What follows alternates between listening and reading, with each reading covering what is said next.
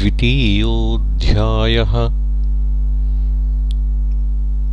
प्रभुविरहविषण्णेनोद्धवेन सङ्क्षेपतः श्रीकृष्णबाललीलावर्णनम्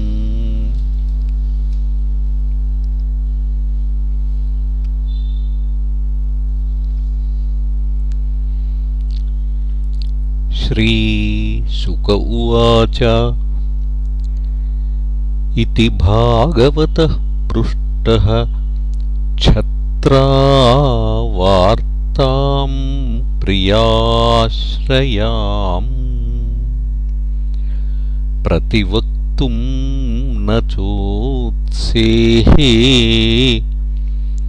औत्कण्ठ्यात् स्मारितेश्वरः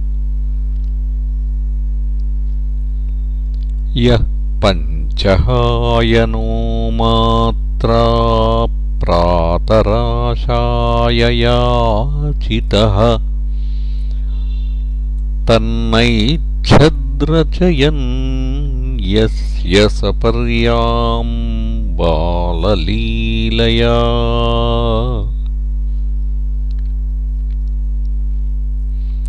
स कथम् सेवया तस्य कालेन जरसं गतः। पृष्टो वार्ताम् प्रतिब्रूयाद्भत्तुः पादावनुस्मरन्। स मुहूर्तमभूत् कृष्णाङ्घ्रिसुधया भृशम् तीव्रेण भक्तियोगेन निमग्नः साधुनिर्वृतः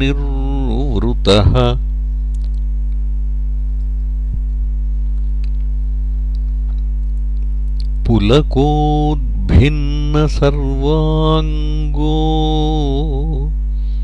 मुञ्चन्मीलदृशाशुचः पूर्णार्थो लक्षितस्तेन स्नेहप्रसरसम्प्लुतः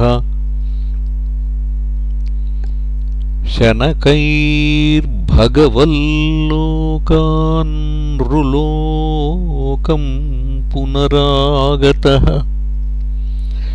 विमृज्य नेत्रे विदुरम् प्रत्याहोद्धव उत्स्मयन्। उद्धव उवाच कृष्णद्युमणिनिम्लोचे गीर्णेष्वजगरेणः किं नु नः कुशलं ब्रूयाम्?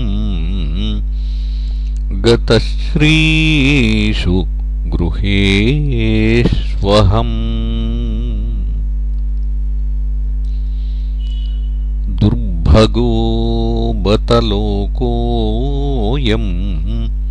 यदवो नितरामपि ये संवसन्तो न विदुर्हरिम् मीनायिवोडुपम्।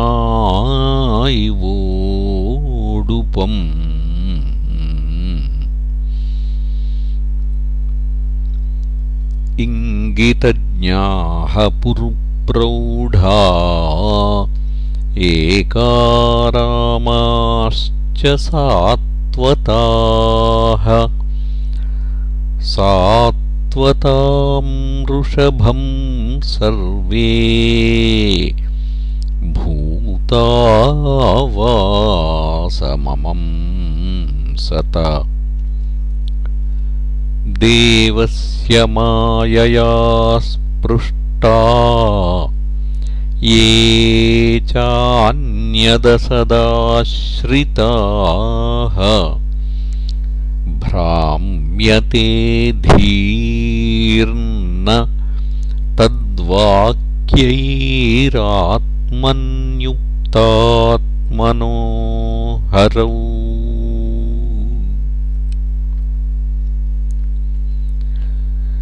प्रदर्श्यातप्ततपसामवितृप्तदृशां नृणाम्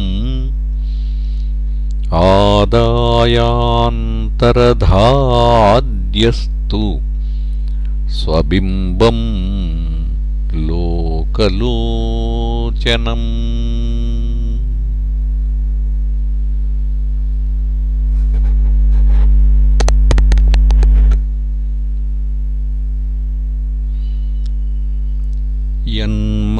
यन्मर्त्यलीलौपयिकं स्वयोगमायाबलं दर्शयता गृहीतम्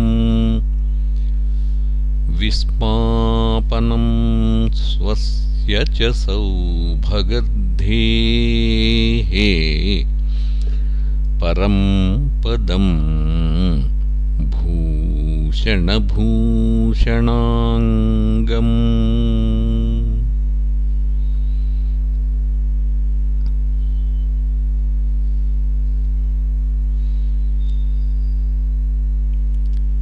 यद्धर्मसूनोर्बतराजसूये निरीक्ष्य दृक् स्वस्त्ययनम् त्रिलोकः कार्त्स्न्येन चाद्येह गतं विधातुः अर्वाक्सृतौ कौशलमित्यमन्यत यस्यानुरागप्लुतहासरासलीलावलोक प्रतिलब्धमानाः। व्रजस्त्रियो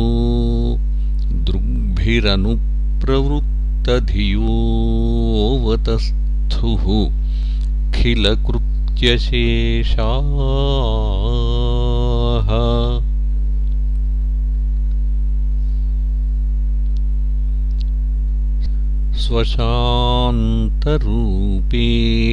स्वशान्तरूपेष्वितरैः स्वरूपैः अभ्यर्द्यमानेष्वनुकम्पितात्मा परावरेशो महदंशयुक्तो ह्यजोऽपि जातो भगवान् यथाग्निः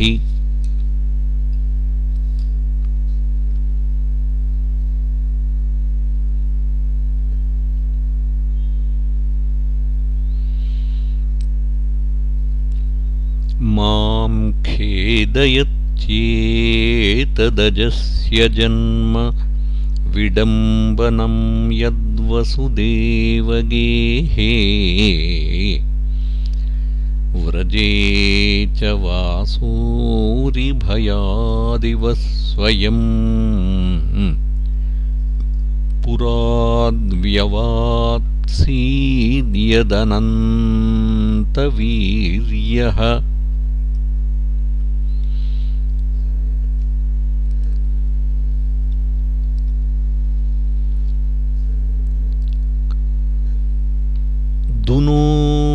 चेतः स्मरतो ममैतद्यदाह पादावभिवन्द्य पित्रोः।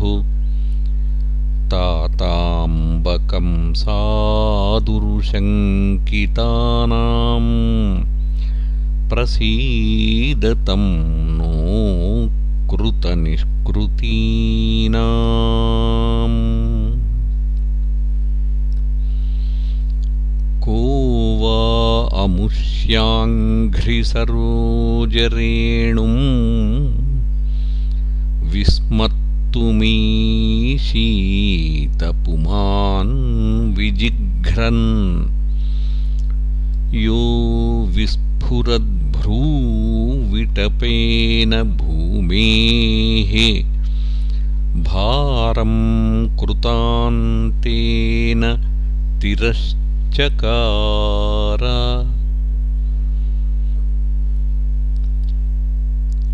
दृष्टाभवद्भिर्ननुराजसूये चैद्यस्य कृष्णन् द्विषतोऽपि सिद्धिः।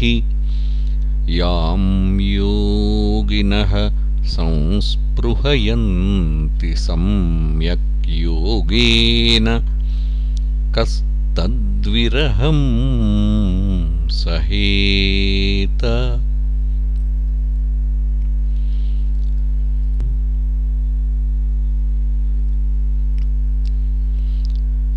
तथैव चान्ये नरलोकवीरा।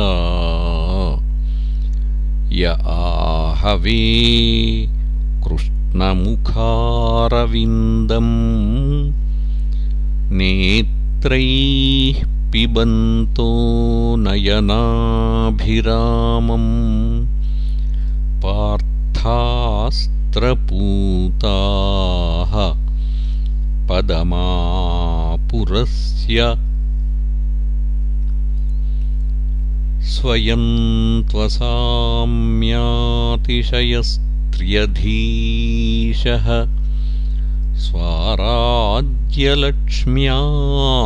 स्वाराज्यलक्ष्म्याप्तसमस्तकामः बलिं हरद्भिश्चिरलोकपालैः। किरीटकोट्येडितपादपीठः।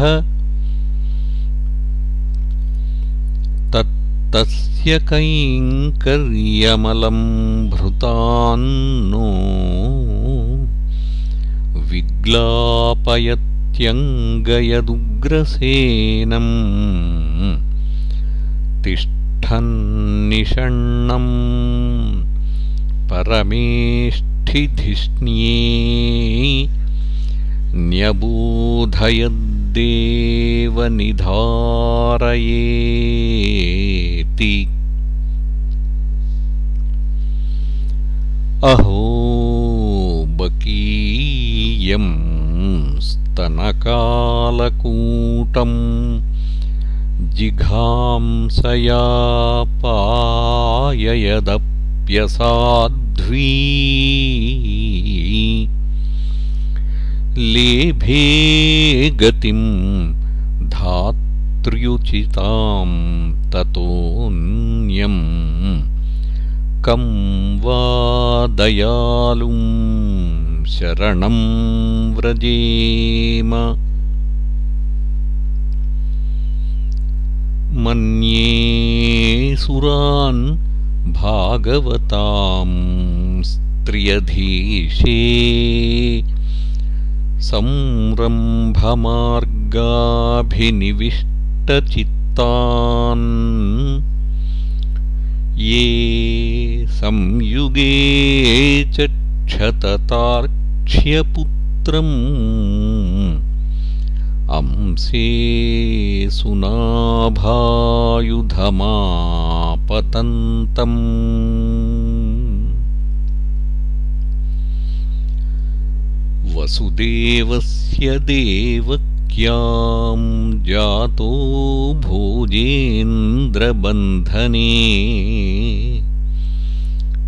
चिकीर्षुर्भगवानस्याः शमजेनाभियाचितः।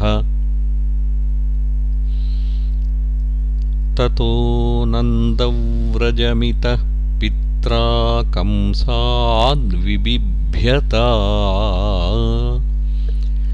एकादशसमास्तत्र गूढार्चिः सबलो वसत् परीतो वत्सपैर्वत्सांश्चारयन् व्यहरद्विभुः। यमुनोपवने कूजद्विजसङ्कुलिताङ्घ्रिपे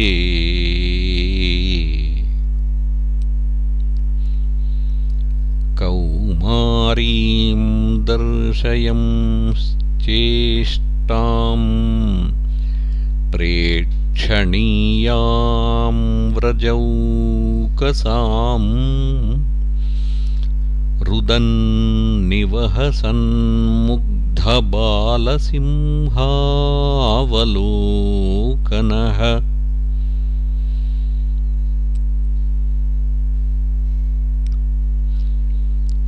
एव गोधनं लक्ष्म्या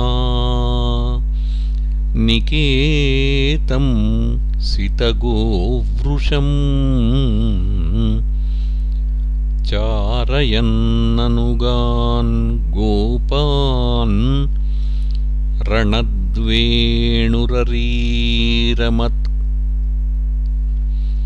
प्रयुक्तान् भोजराजेन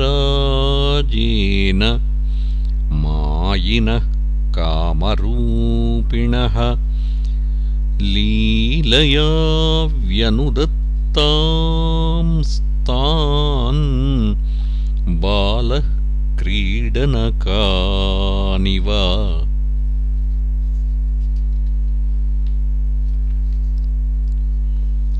विपन्नान् विषपानेन निगृह्य भुजगाधिपम् उत्थाप्यापाययद्गावस्तत्तोऽयम् प्रकृतिस्थ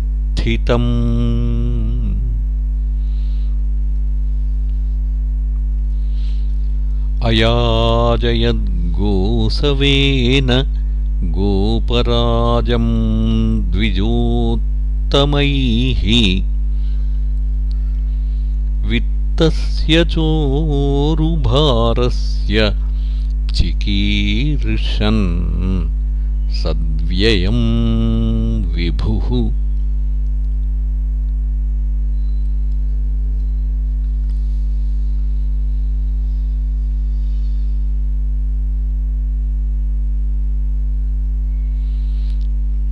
वर्षतीन्द्रे व्रजः कोपाद्भग्नमानेति विह्वलः। गोत्रलीलातपत्रेण त्रातो भद्रानुगृह्णता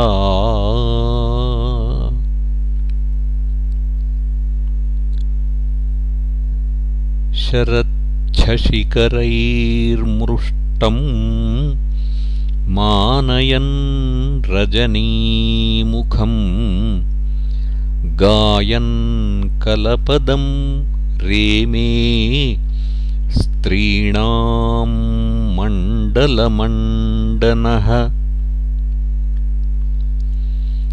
इति श्रीमद्भागवते महापुराणे पारमहंस्यां संहितायां तृतीयस्कन्धे द्वितीयोऽध्यायः